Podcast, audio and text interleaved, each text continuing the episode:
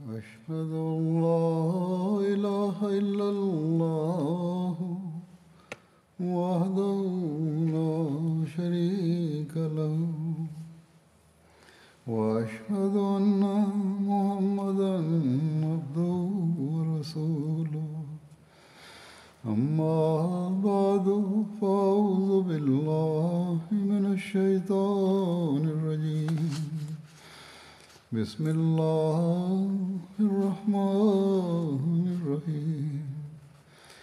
الحمد لله رب العالمين.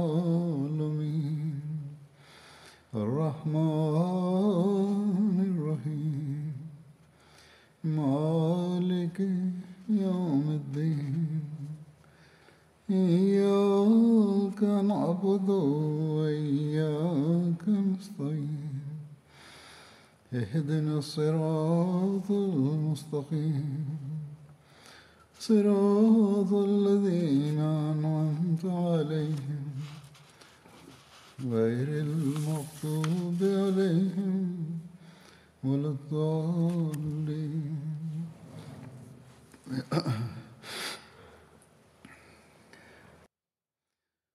كنا بصدد ذكر موقف أبي بكر الصديق رضي الله عنه حيال مانعي الزكاة وتعامله معهم وذلك في بيان سوانح حياته رضي الله عنه. ولقد ورد في تاريخ الطبري بهذا الخصوص كما يلي. اجتمعت أسد وغطفان وطيء على طليحة بن خويلد الذي ادعى النبوة إلا ما كان من خواص أقوام في القبائل الثلاث. فاجتمعت أسد بسميراء سمي هذا المقام باسم شخص من قوم عاد وإنه موضع على سبيل مكة وسمي به لكونه محاطا بالجبال السوداء.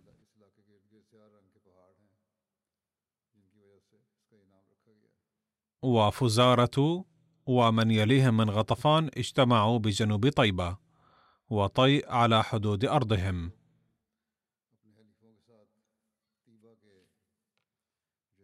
واجتمعت ثعلبة بن سعد ومن يليهم من مرة وعبس بالأبرق من الربذة.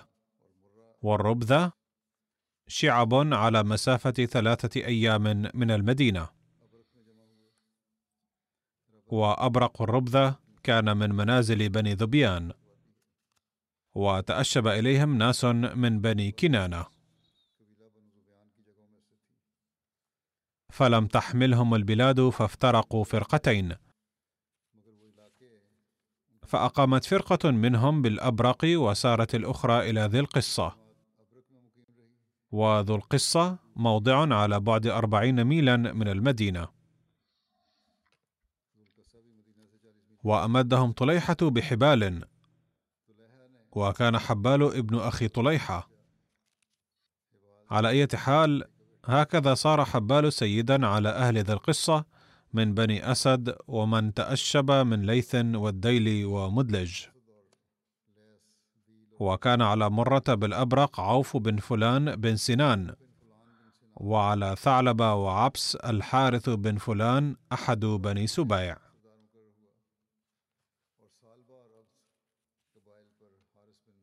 وقد بعثوا وفودا فقدموا المدينة فنزلوا على وجوه الناس فأنزلوهم ما خلا عباسا.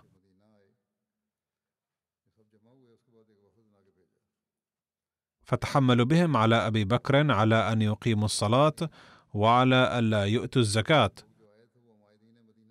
فعزم الله لأبي بكر على الحق وقال لو منعوني عقالا لجاهدتهم عليه.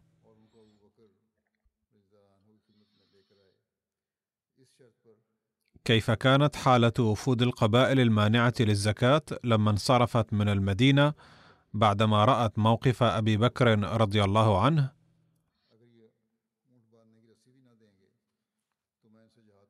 لقد ذكر ذلك أحد كتاب سيرة أبي بكر رضي الله عنه فقال: لما انصرفت وفود القبائل المانعة للزكاة من المدينة بعدما رأت عزم الصديق وحزمه فقد خرجت بأمرين. اولا أن قضية منع الزكاة لا تقبل المفاوضة. وأن حكم الإسلام فيها واضح ولذلك لا أمل في تنازل خليفة المسلمين عن عزمه ورأيه. وخاصة بعدما أيده المسلمون وثبتوا على رأيه بعد وضوح الرؤية وظهور الدليل. ثانيا أنه لا بد من اغتنام فرصة ضعف المسلمين كما يظنون وقلة عددهم لهجوم كاسح على المدينة يسقط الحكم الإسلامي فيها ويقضي على هذا الدين.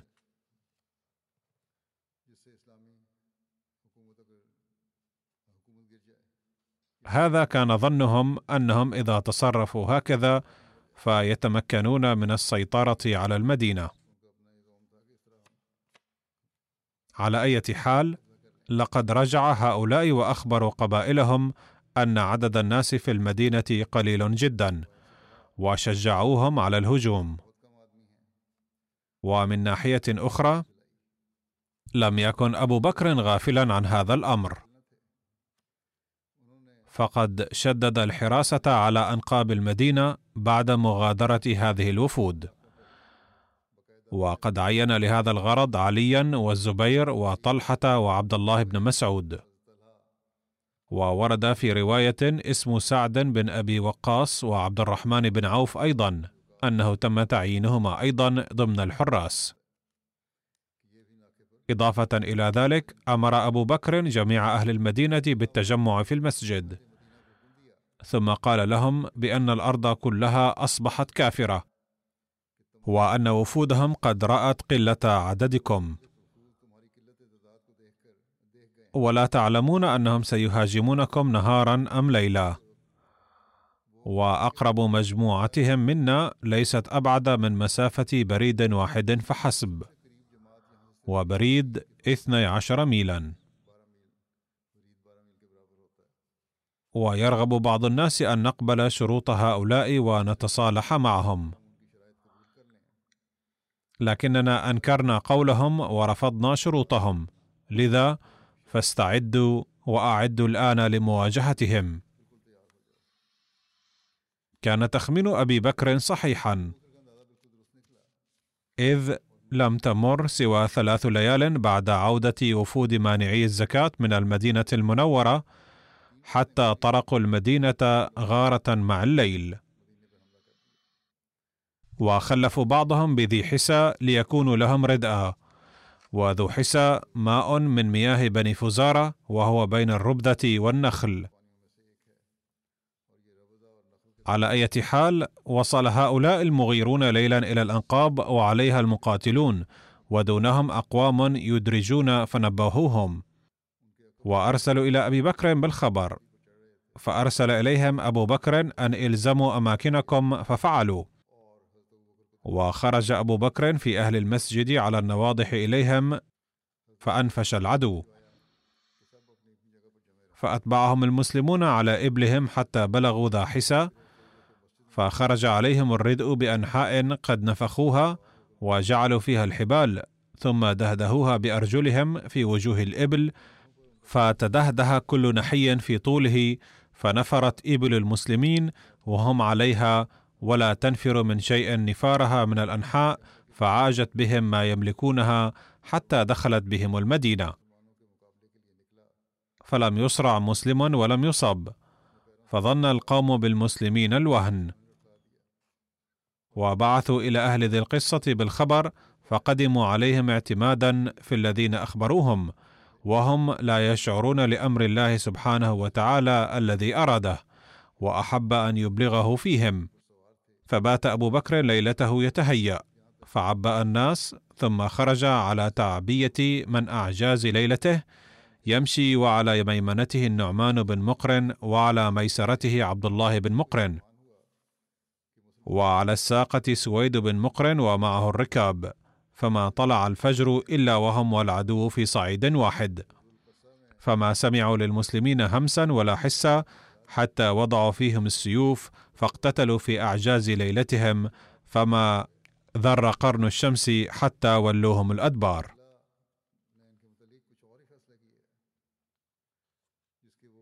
ثم ورد أن المسلمين غلبوهم على عامة ظهرهم. وقتل حبال وأتبعهم أبو بكر حتى نزل بذي القصة. وكان أول فتح أعطى الله المسلمين ووضع بها أبو بكر النعمان بن مقرن في عدد ورجع إلى المدينة. كتب أحد المؤلفين وهو يشبه هذه المعركة بغزوة بدر فيقول إن قوة الإيمان والعزيمة والعزم والصمود والحزم والحذر الذي أبداه أبو بكر في هذه الآونة فإنه أحيا في قلوب المسلمين بذكرى فتوحات عصر الرسول صلى الله عليه وسلم. هذه المعركة الأولى في عهد أبي بكر كانت شبيهة جدا بمعركة بدر. إذ لم يكن في يوم بدر عدد المسلمين إلا ثلاثمائة وثلاثة عشر. بينما كان عدد مشركي مكة أكثر من ألف. وفي هذه المعركة أيضا التي حصلت بين أبي بكر والمعارضين كان عدد المسلمين قليلا بينما كان عدد المهاجمين من عبس وذبيان وغطفان كبيرا جدا. ولقد نصر الله المسلمين على المشركين. والآن ضرب أبو بكر ومن كان معه مثل الإيمان الكامل. فأنالهم الله تعالى الفتح على العدو.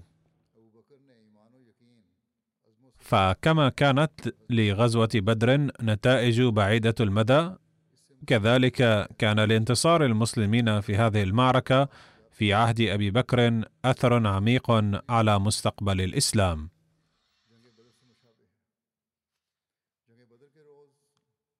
وثب بنو ذبيان وعبس جراء هذه الهزيمة على من فيهم من المسلمين فقتلوهم كل قتلة. وهذا ما فعلوه انتقاما منهم بحيث استشهد المسلمون المتواجدون في مناطقهم. وفعل من ورائهم من القبائل الأخرى فعلهم.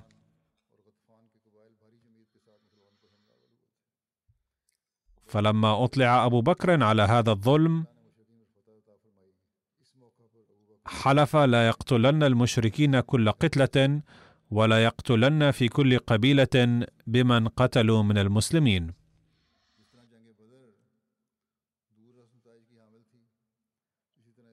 وما أن تم القضاء على المهاجمين من مانعي الزكاة في ظل قيادة أبي بكر أخذت القبائل الضعيفة منهم والمترددة تتوافد على المدينة بزكاتها.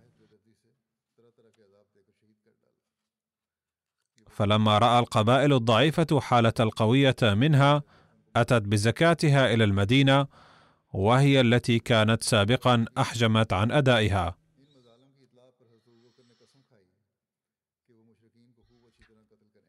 فكانت قبيلة تأتي بزكاتها في أول الليل والثانية في وسطه والثالثة في آخره. وكلما طلعوا في المدينة قال الناس لهم حين طلع نذير وقال أبو بكر هذا بشير.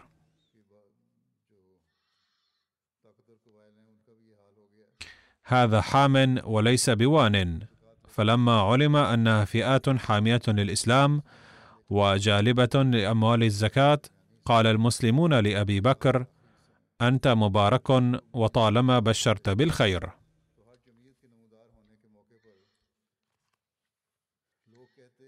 فقال إن الذين يأتون بأخبار سيئة ونوايا سيئة يتحركون بسرعة. بينما يسير أصحاب الأخبار السارة بسهولة وطمأنينة. وأستطيع أن أعرفهم من خلال مشيهم.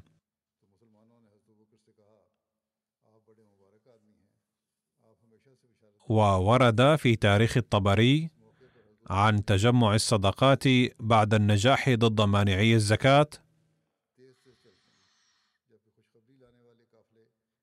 لقد وصلت في ذلك الوقت إلى المدينة صدقات حتى فاضت الأموال وزادت عن حاجات المسلمين. وخلال هذه الفتوحات والبشارات رجع إلى المدينة جيش أسامة بعد أن حقق نجاحات باهرة. فاستخلفه أبو بكر على المدينة. وقيل استخلف سنان الضمري وقال له ولجنده استريحوا واريحوا ظهركم. ثم خرج أبو بكر في رجاله الأولين إلى ذي القصة. فقال له المسلمون ننشدك الله يا خليفة رسول الله أن تعرض نفسك فإنك إن تصب لم يكن للناس نظام. ومقامك أشد على العدو فابعث رجلا. فإن أصيب أمرت آخر. فقال لا والله لا أفعل ولا أواسينكم بنفسي. لقد خرج الصديق في تعبيتها إلى ذي حس وذي القصة. وذو القصة موضع على بعد أربعين ميلا من المدينة. والنعمان وعبد الله وسويد على ما كانوا عليه. حتى نزل أبو بكر على أهل الربدة بالأبراق. فهزم الله الحارث وعوفا بعد حرب شديدة. وهما رئيسا مرة وثعلبة وعبس. وأخذ الحطيئة أسيرا. وأقام أبو بكر على الأبرق أياما. وحمى الأبرق لخيول المسلمين. ولما هزمت عبس وذبيان التحقوا بطليحة. وقد نزل طليحة على بزاخة وارتحل عن سميراء إليها فأقام عليها. وبزاخة ماء لبني أسد كانت به وقعة عظيمة مع طليحة الأسدي في أيام أبي بكر الصديق.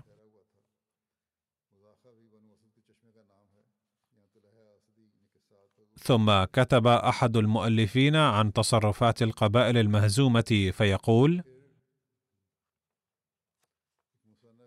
كان الأنسب لعبس وذبيان وغطفان وبني بكر وللقبائل المتمردة التي تعيش بالقرب من المدينة المنورة الامتناع عن عنادهم وتمردهم. وكان عليها الاعتراف بالطاعة الكاملة لأبي بكر والإقرار بالالتزام بأركان الإسلام والتعاون مع المسلمين لمحاربة المرتدين. كان هذا مطلبا للعقل ودعمته الأحداث أيضا. حطم أبو بكر سلطتهم. ولقد ترسخ رعب أهل المدينة إثر تحقيق نجاحهم على حدود الروم وازدادت قوة المسلمين. ولم يعودوا يعانون ضعفا كان يخيم عليهم في غزوة بدر وفي أيام الغزوات الأولى. بل كانت مكة الآن معهم وكذلك الطائف وكانت سيادة هاتين المدينتين مسلمة على شبه الجزيرة العربية. ثم كان هناك مسلمون من بين هذه القبائل نفسها. لم يستطع المتمردون بأي وسيلة ضمهم إلى صفوفهم. وبالتالي أصبح وضع المتمردين ضعيفا للغاية. ولكن مع كل ذلك فإن عداء المسلمين قد أعمى أعينهم وتلاشى من قلوبهم الشعور بالربح والنقصان. فتركوا أوطانهم وانضموا إلى المدعي الكاذب بالنبوة طليحة بن خويلد من قبيلة بني أسد. كان المسلمون فيهم إلا أنهم لم يستطيعوا ردعهم عن إرادتهم. مع وصول هؤلاء ازدادت قوة طليحة ومسيلمة كثيرا وبدأت نار التمرد في اليمن تشتعل بشدة. على أي حال ينبغي أن تتذكروا أن هؤلاء قد تمردوا وحاربوا ولم تتم محاربة أحدهم بناء على ادعائهم الكاذب بالنبوة بل شنت عليهم الحرب انتقاما على تمردهم وردا على حربهم ضد المسلمين. هناك رواية عن عبد الله بن مسعود حول انتصار أبي بكر على مانعي الزكاة وحول شجاعة أبي بكر وعزيمته فيقول لقد قمنا بعد رسول الله صلى الله عليه وسلم مقاما كدنا نهلك فيه. لولا أن الله من علينا بأبي بكر. كنا قد أجمعنا على الا نقاتل على ابنة مخاض وابنة لبون وأن نعبد الله حتى يأتينا اليقين. فعزم الله لأبي بكر على قتال مانعي الزكاة. فوالله ما رضي منهم بأحد الأمرين لا ثالث لهما. إما الخطة المخزية أو الحرب المجلية. أما الخطة المخزية فهي أن يقروا بأن من قتل منهم في النار ومن قتل منا في الجنة. وأن يدوا قتلانا وأن نغنم ما أخذنا منهم فلا يطالبون برده وأن ما أخذوا منا مردود علينا. وأما الحرب المجلية فأن يخرجوا من ديارهم بعد هذه الهزيمة ويعيشوا في أماكن بعيدة. يقول المصلح الموعود رضي الله عنه بهذا الخصوص لما رفضت بعض القبائل العربية أداء الزكاة إثر وفاة الرسول صلى الله عليه وسلم وأراد أبو بكر حربهم ولكن أوضاع البلاد كانت خطيرة جدا على المسلمين فأشار إنسان شجاع مثل عمر رضي الله عنه على أبي بكر رضي الله عنه بأن لا يعامل منكري الزكاة بهذه الصرامة. فأجابه أبو بكر رضي الله عنه ما كان لابن أبي قحافة أن يلغي ما أمر به الرسول صلى الله عليه وسلم. والله لو منعوني عقالا كانوا يؤدونه لرسول الله صلى الله عليه وسلم لقاتلتهم على منعه. ولن أبرح حتى يدفعوه. فإذا كنتم لا تستطيعون حربهم معي فسأحاربهم وحدي. فانظر إلى شدة حرص أبي بكر على سنة الرسول صلى الله عليه وسلم. فمع أن الظروف كانت حرجة جدا حتى كان أكابر الصحابة يشيرون على أبي بكر بأن لا يحارب منكري الزكاة إلا أنه كان مستعدا ليخوض غمار كل خطر لتنفيذ أوامر الرسول صلى الله عليه وسلم. ثم كتب المصلح الموعود رضي الله عنه في مكان آخر في زمن حضرة أبو بكر عندما انتشرت فتنة الردة ولم يبقى في القرية سوى صلاة الجماعة وأرسل الجيش إلى الشام ومع ذلك فقد أرسل تعليمات باسم من يخرج الزكاة. فقال أبو بكر رضي الله عنه والله لو منعوني عناقا أو عقالا كانوا يؤدونها لرسول الله من الزكاة لقاتلتهم عليه. وقال حضرة عمر رضي الله عنه أيضا لا يليق بالتشديد على الزكاة في هذا الوقت لكنه لم يقبل أحدهما وهذا يوضح مدى أهمية الزكاة. هذا الأمر بينه المصلح الموعود رضي الله عنه في خطاب له حول موضوع مدارج التقوى. وبين فيه مدى أهمية الزكاة لمدارج التقوى وهي ضرورية للذين يريدون السلوك على دروب التقوى. وقال فيه أيضا أن على الأحمديين أن يتذكروا أهمية الزكاة ويؤدوها باهتمام. ثم قال المصلح الموعود رضي الله عنه في مكان آخر وهو يبين أهمية الزكاة. ثم هناك مسألة مهمة جدا هي الزكاة. لكن الناس لم يفهموها فقد أمر الله بها بعد الصلاة. كما قال سيدنا أبو بكر الصديق رضي الله عنه إنه سيعامل مانعي الزكاة معاملة النبي صلى الله عليه وسلم مع الكفار حيث يستعبد رجالهم ويسبي نساءهم. بعد وفاة النبي صلى الله عليه وسلم ظهر ابتلاء عظيم إذ ارتد العرب كلهم ما عدا مدن ثلاثة هي مكة والمدينة ومدينة أخرى مدينة الطائف. فقال له عمر رضي الله عنه أن يتصالح مع مانعي الزكاة إذ من المأمول أن ينصلحوا لاحقا تدريجيا. والأفضل أن يحارب المرتدين الآخرين اولا فالأولوية للقضاء على المرتدين والمتنبئين الكذبه لأن فتنتهم أشد. فقال أبو بكر رضي الله عنه والله لو منعوني عناقا أو عقالا كانوا يؤدونها لرسول الله صلى الله عليه وسلم من الزكاة لقاتلتهم عليه. وإذا تركتموني وانضمت سباع الغابة إلى المرتدين للهجوم فسوف أقاتلهم وحدي. هذا المقتبس من بركات الخلافة مفاده أن على الخليفة أن يسعى كل السعي لإقامة الشريعة وهذا ما يفعله الخليفة. قال المصلح الموعود رضي الله عنه في مكان آخر يثير الناس اعتراضا واهيا آخر قد فنده الله تعالى قبل ثلاثة عشر قرنا. يقولون إن المخاطب في وشاورهم في الأمر هو رسول الله صلى الله عليه وسلم. فكيف تستشهد بهذه الآية وأنت مجرد خليفة؟ على هؤلاء أن يتذكروا أن الذين امتنعوا عن دفع الزكاة لسيدنا أبي بكر رضي الله عنه قد احتجوا هم الآخرون بأن حكم الزكاة في خذ من أموالهم صدقة تطهرهم وتزكيهم بها. كان يخص النبي صلى الله عليه وسلم فقط. وحيث إنه قد توفي فلا يحق لأحد أن يأخذ الزكاة. فقال سيدنا أبو بكر رضي الله عنه أنا المخاطب الآن.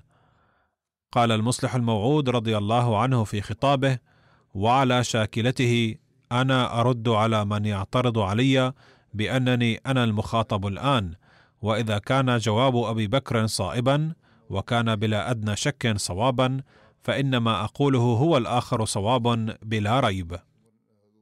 وهذا هو المبدأ الدائم مع الخلافة ولا بد من تذكره. ثم قال رضي الله عنه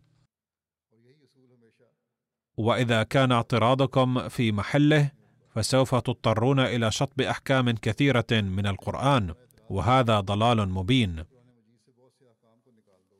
وهذا ما قاله المصلح الموعود رضي الله عنه وهو يلقي خطابا حول منصب الخلافة.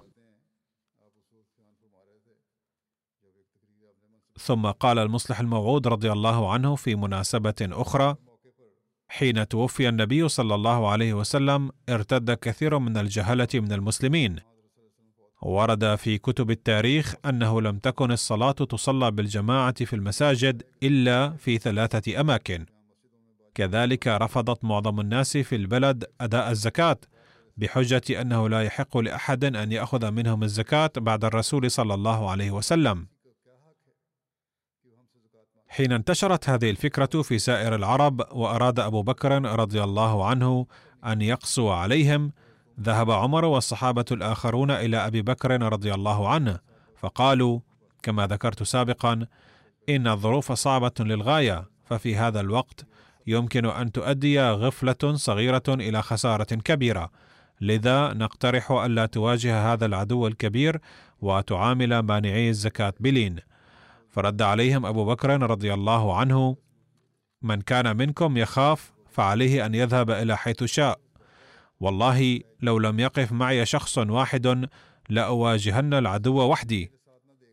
ولو دخل العدو المدينة وقتل أقاربي وأصدقائي وأخذت الكلاب تجر جثث المسلمات في شوارع المدينة لأحاربن العدو. ولن أكف عن قتالهم حتى يؤدوا عقالا كانوا يؤدونها لرسول الله من الزكاة. فواجه أبو بكر رضي الله عنه فتنة العدو بكل شجاعة ونجح في نهاية المطاف لأنه كان يرى أن هذا عمله لذا قال للصحابة المفترحين سواء وقف أحدكم معي أم لم يقف سأواجه العدو وحدي. حتى استشهد في سبيل الله. قال المصلح الموعود رضي الله عنه فالقوم الذين ينشأ فيهم هذا العزم ينجح في كل ميدان ولا يستطيع العدو الوقوف مقابلهم ابدا. هذا هو سر الرقي القومي الذي يجب أن نتذكره. ثم قال المصلح الموعود رضي الله عنه في مناسبة أخرى بعد وفاة رسول الله صلى الله عليه وسلم حين ارتد آلاف العرب بسبب الاختلاف حول قضية الزكاة وهاجم مسيلمة المدينة وبلغ أبا بكر رضي الله عنه الخليفة آنذاك أن مسيلمة قادما مع مائه ألف جندي لشن الهجوم على المدينة فاقترح بعض الناس على أبي بكر رضي الله عنه قائلين بما أننا نمر الآن بوقت حرج وبسبب الاختلاف في قضية الزكاة يرتد الناس باستمرار. وبالإضافة إلى ذلك خرج مسيلمة بجيش كبير للهجوم. لذا في هذه الظروف من المصلحة ألا تطالب بالزكاة وتتصالح مع مانعي الزكاة. ولكن أبا بكر رضي الله عنه لم يبال بهذه المخاوف قط. وقال لهؤلاء المقترحين هل تريدون أن ترضوني على ما يخالف صريحا أحكام الله ورسوله؟ إن حكم الزكاة من الله ورسوله صلى الله عليه وسلم. لذا من واجبي أن أسعى بكل ما في وسعي للمحافظة على أحكام الله والرسول صلى الله عليه وسلم. ولكن الصحابة قالوا مرة أخرى انما الظروف تقتضي الصلح. فقال أبو بكر رضي الله عنه إذا كنتم لا تريدون القتال وتخافون مواجهة العدو فاذهبوا واجلسوا في بيوتكم. ووالله لاقاتلن العدو وحدي ما لم يدفعوا ما عليهم من الزكاة حتى عقال بعير ولن أصالحهم ما لم أجعلهم يسلموا بفريضة الزكاة. قال المصلح الموعود رضي الله عنه هذه هي العلامة للإيمان الحقيقي. هذا هو الإيمان إذا كان فينا هذا الإيمان استطعنا تبليغ رسالة الإسلام في العالم وكان النجاح حليفنا بفضل الله تعالى. ثم قال المصلح الموعود رضي الله عنه في موضع لقد تمردت قبائل العرب بعد وفاة النبي صلى الله عليه وسلم حيث رفضوا أداء الزكاة بحجة أن الله تعالى لم يمنح أحدا حق أخذ الزكاة سوى الرسول صلى الله عليه وسلم حيث قال له خذ من أموالهم صدقة. أي يا محمد خذ بعض أموالهم زكاة. ولم يذكر في أي مكان أنه يحق لأحد بعد وفاة النبي صلى الله عليه وسلم أخذ الزكاة. ولكن المسلمين رفضوا حجتهم هذه. مع أن الله تعالى قد وجه الخطاب في الآية إلى رسوله صلى الله عليه وسلم خاصة. على اية حال كانت أكبر حجة عند المرتدين أنه لا يحق لأحد سوى النبي صلى الله عليه وسلم أخذ الزكاة. ولم يكن سببها إلا انخداعهم بأن الأحكام المتعلقة بالنظام ليست قابلة للعمل بها دوما بل كانت مخصوصة بالنبي صلى الله عليه وسلم فقط. ولكني قد أثبتت بطلان هذه الفكرة انفا. إذ الحق أن أحكام الصلاة والصوم كما لم تلغى بعد وفاة الرسول صلى الله عليه وسلم كذلك فإن الأحكام المتعلقة بإدارة أمور الأمة ونظام الحكم لم تلغى بوفاته بل يجب العمل بها دوما بين المسلمين بواسطة نواب الرسول صلى الله عليه وسلم.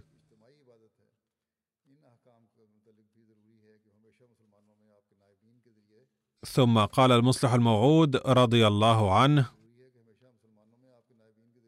فلما توفي النبي صلى الله عليه وسلم وانتخب أبو بكر رضي الله عنه خليفة ارتدت الجزيرة العربية كلها. واستفحلت الفتنة حتى رفض أهل البلد كلهم أداء الزكاة إلا أهل مكة والمدينة وقرية أخرى محتجين بأن قول الله تعالى خذ من أموالهم صدقة كان خاصا بالنبي صلى الله عليه وسلم. فلا يحق لأحد بعده أن يطالبهم بالزكاة على أموالهم. وأثار العرب كلهم على الدولة الإسلامية وخرجوا بجيوشهم لمحاربتها.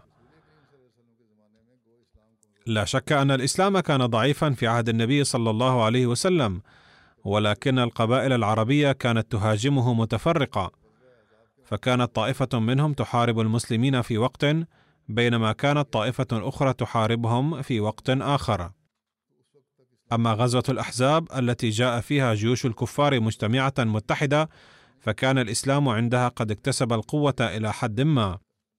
ولكنه لم يكن قويا بحيث لا يخشى عليه من أي هجوم في المستقبل. ثم لما خرج النبي صلى الله عليه وسلم لفتح مكة انضمت إليه بعض القبائل لنصرته. فمن هنا يتبين أن الله تعالى قد جعل أعداء الإسلام ينبرون لمحاربته بالتدريج حتى لا يشكلوا قوة تستولي على البلاد كلها. ولكن عند خلافة أبي بكر رضي الله عنه ارتدت القبائل العربية كلها دفعة واحدة إلا في مكة والمدينة وقرية أخرى. ورفضت سائر البلاد أداء الزكاة وخرجت بجيوشها لمحاربة المسلمين. لم يكتفوا برفض أداء الزكاة فحسب بل خرجوا مع جيوشهم للقتال. وقد بلغ عدد جيش بعض القبائل المتمردة مئة ألف مقاتل بينما كان عدد الجيش المسلم عشرة آلاف فقط. وكان هذا الجيش على وشك المسير ناحية الشام وهو نفس الجيش الذي قد جهزه النبي صلى الله عليه وسلم قبيل وفاته تحت قيادة أسامة بن زيد لمحاربة الرومان على الحدود مع الدولة الرومانية. أما باقي المسلمين فكانوا ضعفاء وشيوخا ما عدا بعض الفتيان القلائل، ونظرا إلى الظروف الحرجة المحدقة بالمسلمين، فكر الصحابة أنه لو خرج جيش أسامة رضي الله عنه فلم يبقى في المدينة أحد للدفاع عنها ضد الثوار المتمردين. فذهب إلى أبي بكر رضي الله عنه وفد يضم كبار الصحابة فالتمسوا منه تأجيل مسير الجيش إلى حين قمع الثورة لأن إرساله في هذا الوقت خطير. فغضب أبو بكر رضي الله عنه مما أشاروا عليه وقال هل تريدون أن يكون أول ما يعمله ابن أبي قحافة بعد وفاة النبي صلى الله عليه وسلم هو منع الجيش الذي أمر النبي صلى الله عليه وسلم بتسييره باختصار قال أبو بكر رضي الله عنه والله سأرسل هذا الجيش الذي أمر النبي صلى الله عليه وسلم بتسييره وإن دخل العدو المدينة وأخذت الكلاب تجر أرجل المسلمات في شوارعها. إذا كنتم تخافون جيوش الأعداء فيمكنكم أن تتخلوا عني وسأخرج للقاء الأعداء كلهم وحدي. فما أعظم هذا المشهد دليلا على صدق قول الله تعالى يعبدونني لا يشركون بي شيئا. أي القائمون على الخلافة والمتمسكون بها يعبدون الله ولا يشركون به شيئا. ثم قال المصلح الموعود رضي الله عنه والقضية الأخرى كانت تتعلق بالزكاة.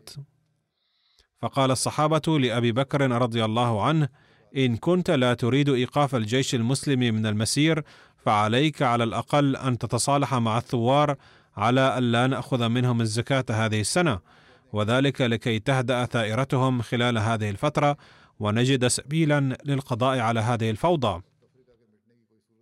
إنهم ثائرون ومستعدون للقتال والموت وليس من الحكمة والحال هذه أن تطالبهم بأداء الزكاة. فرفض أبو بكر رضي الله عنه هذا الاقتراح أيضا بشدة.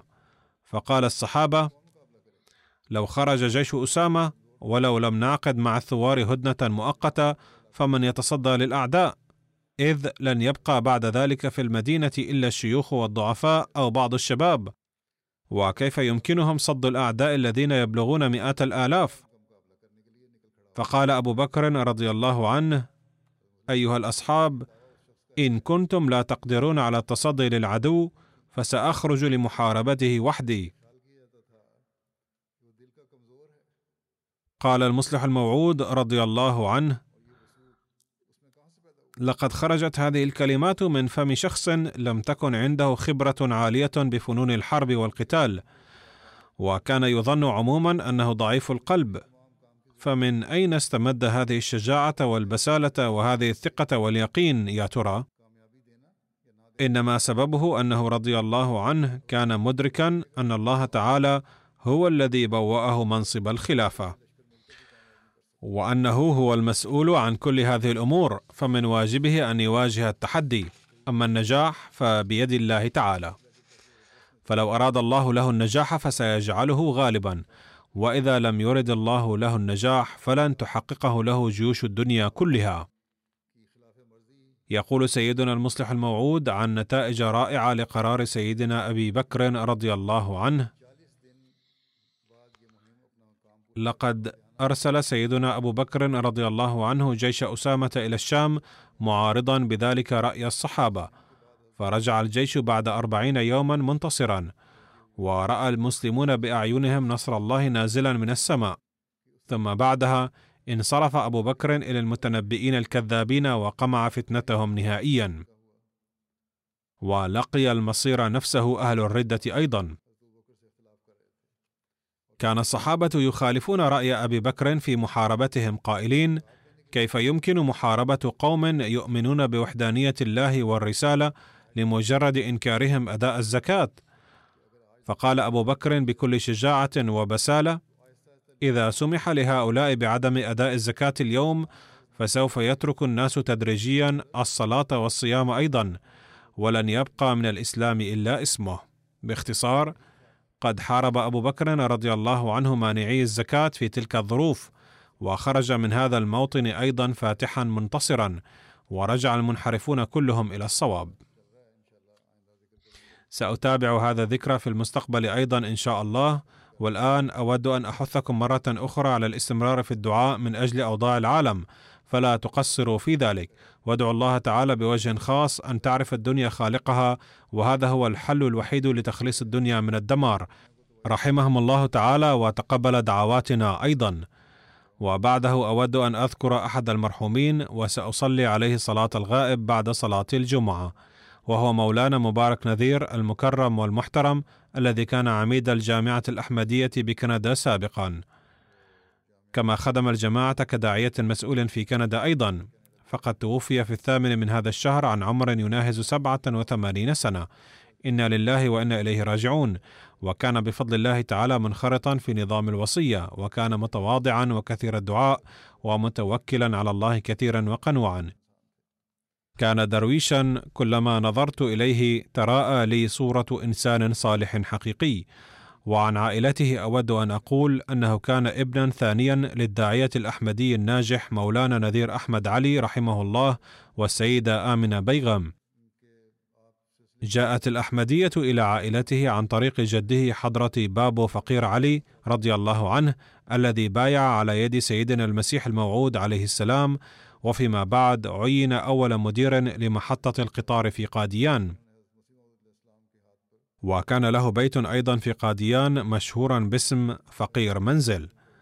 لقد وفق والد المرحوم مولانا مبارك نذير حضرة مولانا نذير أحمد علي رحمه الله لخدمة الجماعة في غانا بأمر من سيدنا المصلح الموعود رضي الله عنه في عام 1929 ولاحقا عين داعية في سيراليون يوم كان والد المرحوم حضرة مولانا نذير أحمد علي رحمه الله عائدا إلى سيراليون في عام 1943 سافر معه ابنه مبارك نذير مع أمه إلى سيراليون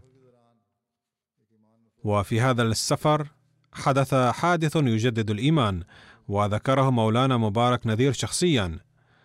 كان السفر يستغرق ثلاثة أشهر عبر السفينة وكان عمر المرحوم مبارك نذير أحد عشر عاما وبعد الخروج من البيت للسفر توعكت صحته بحيث ظهرت علامات توحي بأنه لن ينجو من الموت. وكان السفر في البحر. وعند ركوبه السفينة وحين رآه طاقم السفينة قالوا لوالده إن ابنك شبه ميت ويكاد يلفظ أنفاسه الأخيرة. إذا مات في السفر فليس عندنا ثلاجة لحفظ الجثمان لذا لا نستطيع أن نسمح لك بالسفر برفقته.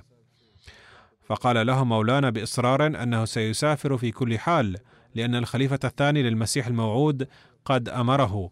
فسمحوا له بركوب السفينة بشرط أن يوقع على الورق أنه إذا مات ابنه فسوف يسمح لهم بإلقاء جثمانه في البحر. فحين قدم القبطان هذا الشرط بدأت والدة مبارك نذير تبكي وقالت لمولانا نذير أحمد علي رحمه الله هذا ابننا ويمكن أن نسافر على سفينة أخرى. فطمأنها مولانا نذير أحمد علي قائلا أنه داعية قد أرسله حضرته بمهمة فمن أدراني متى أجد سفينة أخرى فاطمئني ولن يصيب مباركا أي مكروه. ثم قال لقبطان السفينة بلهجة فياضة باليقين آتني الورقة وأخبرني أين أوقع. إذا مات فيمكن أن تلقيه في البحر. وأقول لك أيضا في الوقت نفسه أنه لن يصاب بأي اذى وهكذا كان والد المرحوم يتوكل على الله تعالى أنه واقف الحياة وخرج من بيته لنشر دينه وأنه تعالى سينصرنه ويحفظن أهله وعياله. فقد عاش ذلك الولد البالغ من العمر أحد عشر عاما حيا بفضل الله تعالى وليس ذلك فحسب بل قد عاش سبعا وثمانين سنة ووفق لخدمة الإسلام الأحمدية فقد وقف حياته مقتفيا بآثار آبائه وسجل بنفسه أيضا أروع نماذج التوكل على الله في ميدان خدمة الدين. فقد نال عملا حكوميا جيدا بعد الإجازة حيث عمل مدة ثم حين قرأ في جريدة الفضل أن سيدنا المصلح الموعود حث أفراد الجماعة على أن يقفوا حياتهم ولو مؤقتا استقال من عمله وقدم نفسه لسيدنا الخليفة الثاني للمسيح الموعود عليه السلام وسافر بأمر من حضرته إلى سيراليون في عام 1963 للوقف المؤقت.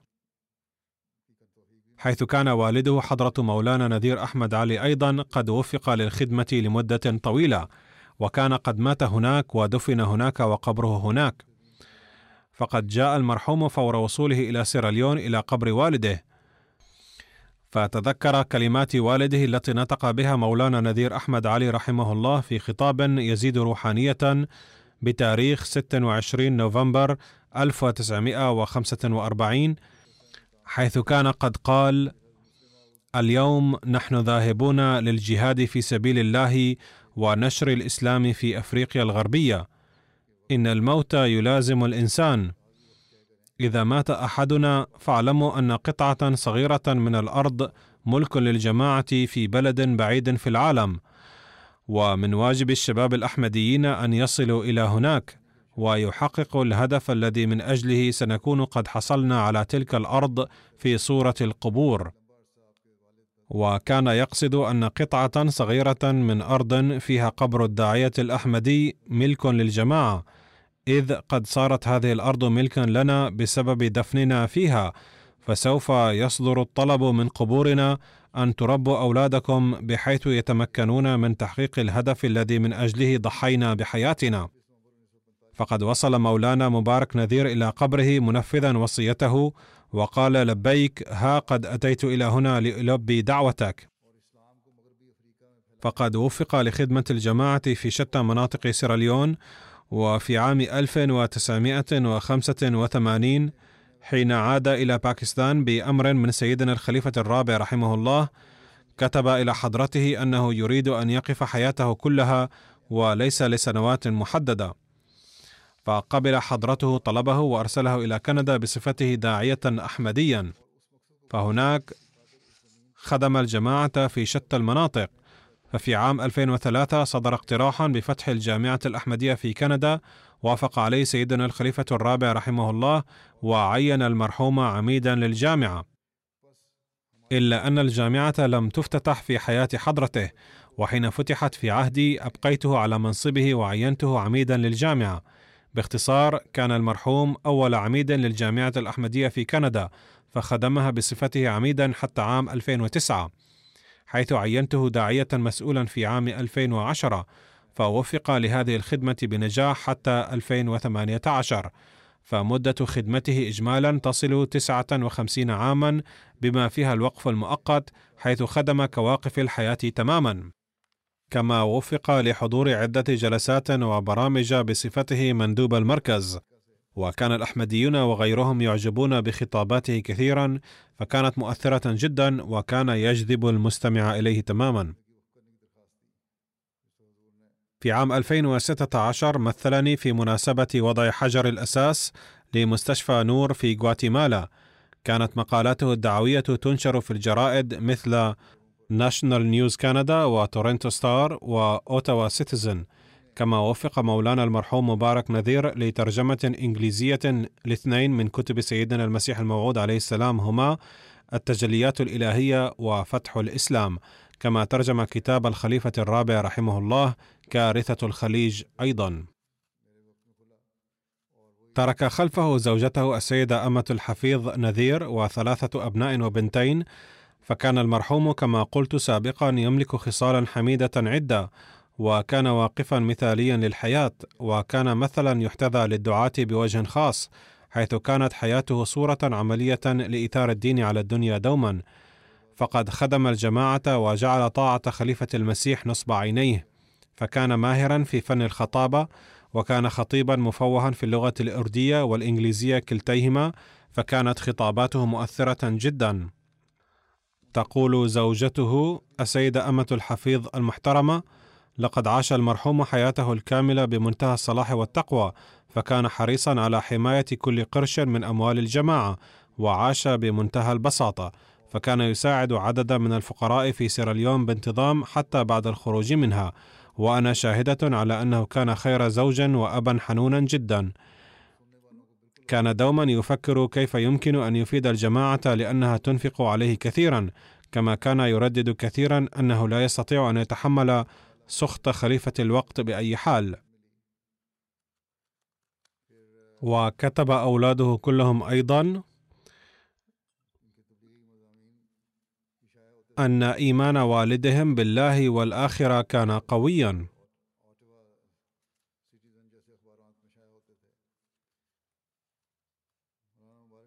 وكان مطيعا للخلافة وموقنا بأن نظام الجماعة صحيح.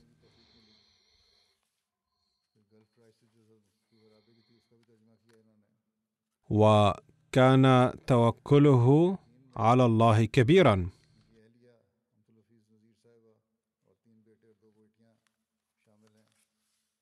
وكان يقول في كثير من الأحيان لن يتركني الله ابدا بل سوف يأتي لنصرتي.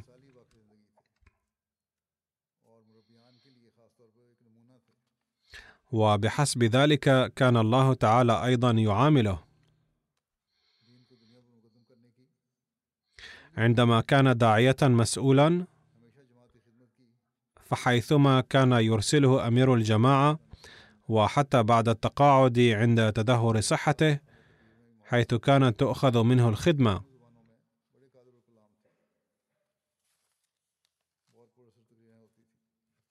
فحيثما أرسل حث الناس على الإنفاق في سبيل الله في مشاريع معينة.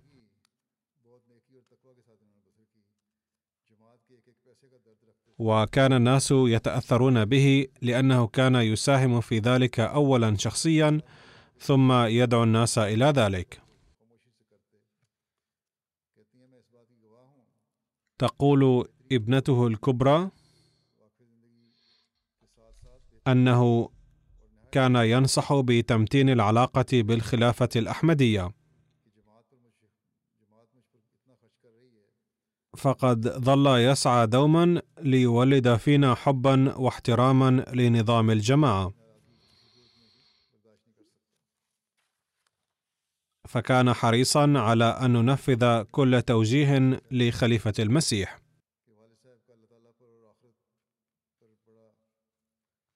نادرا ما كان يخلو أي جلسة له من هذه النصائح. ثم عندما كان يجتمع أحفاده وحفيداته كانوا متأكدين أن جدهم سينصحهم. وكانت النصيحة ألا ينشغلوا كثيرا في الأعمال المادية. بل ينبغي أن يسعوا ليؤكدوا أن لهم علاقة قوية بالله تعالى والخلافة.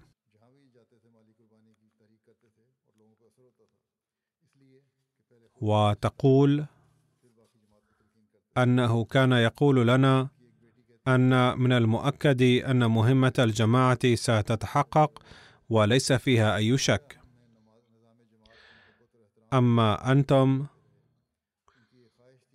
فإذا لم تتقدموا لخدمة الجماعة فسوف يأتي الله بآخرين ينجزون هذه الأعمال بشكل أفضل. كتبت ابنته الصغرى حدثا أن المرحوم كان يبني المسجد في سيراليون فنفد المبلغ وذات يوم حين طالبه العمال أجرتهم لم يكن عند والدي أي مبلغ ليدفع لهم. فقال لهم أن يأتوا غدا فسوف يدفع لهم الأجرة. وفي اليوم التالي حين خرج من البيت وجد العمال في انتظاره. ولم يكن قد توفر عنده أي مال. فقال لهم لا أملك المال حاليا. لكنني أدعو الله تعالى فانتظروا قليلا فسوف يدبر الله تعالى قريبا إن شاء الله. وبينما هو يتكلم معهم جاءت إليه سيارة بسرعة. فقدم له صاحبها ظرفا فيه مبلغ وسلمه له قائلا إن شخصا سمع أنك تبني هنا مسجدا فأرسل لك هذا المبلغ. وقبل أن يسأله والدي اسم المرسل انطلقت السيارة بسرعة. فأيقن بأن الله تعالى أجاب دعاءه ثم دفع منه للعمال أجرتهم. فهكذا كان يتوكل على الله وهكذا كان تعالى يكرمه. فقد كتب الناس احداثا كثيرة لتوكله على الله ومعاملة الله تعالى معه هكذا وكتب الدعاة أيضا. كان المرحوم كما قلت سابقا عالما عاملا. ولذلك كانت خطاباته تؤثر في الناس. أما أمام الخلافة فكان يبدي تواضعا كبيرا جدا. رفع الله درجاته وسير أولاده وأجياله القادمة أيضا على دربه. وأجاب أدعيته لأولاده ونسله. ورزق الجماعة أيضا بانتظام من يخدمون بإخلاص وعفاف. لقد كتب الدعاة المتخرجون في الجامعة الأحمدية في كندا احداثا كثيرة عاشوها مع المرحوم. كيف كان يربيهم ويعلمهم أسلوب التبليغ؟ وكيف علمهم الأخلاق والدين؟ فقد كسبوا منه فيوضا كثيرة. وينبغي أن يتذكروا أن هذه الأحداث يجب الا تكون للبيان في المجالس فقط. بل يجب أن يكونوا هم أيضا نموذجا عمليا لهذه الأمور كلها. وفقهم الله تعالى لذلك. آمين.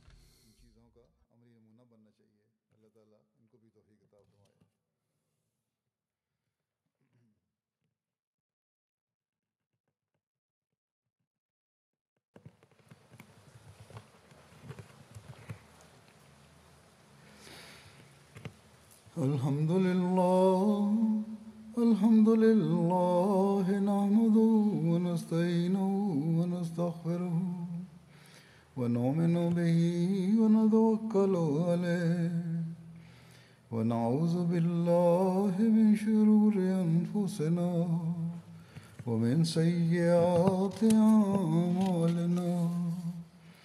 من يهده الله فلا مضل له ومن يضلل فلا هادي له. ونشهد أن لا إله إلا الله. ونشهد أن محمدا عبده ورسوله. عباد الله رحمكم الله. إن الله يأمر بالعدل واللسان وإيتاء ذي القربى وينهى عن الفحشاء والمنكر والبغي يعظكم لعلكم تذكرون. اذكروا الله يذكركم يعظكم لعلكم تذكرون. اذكروا الله يذكركم وادعوه يستجب لكم ولذكر الله أكبر.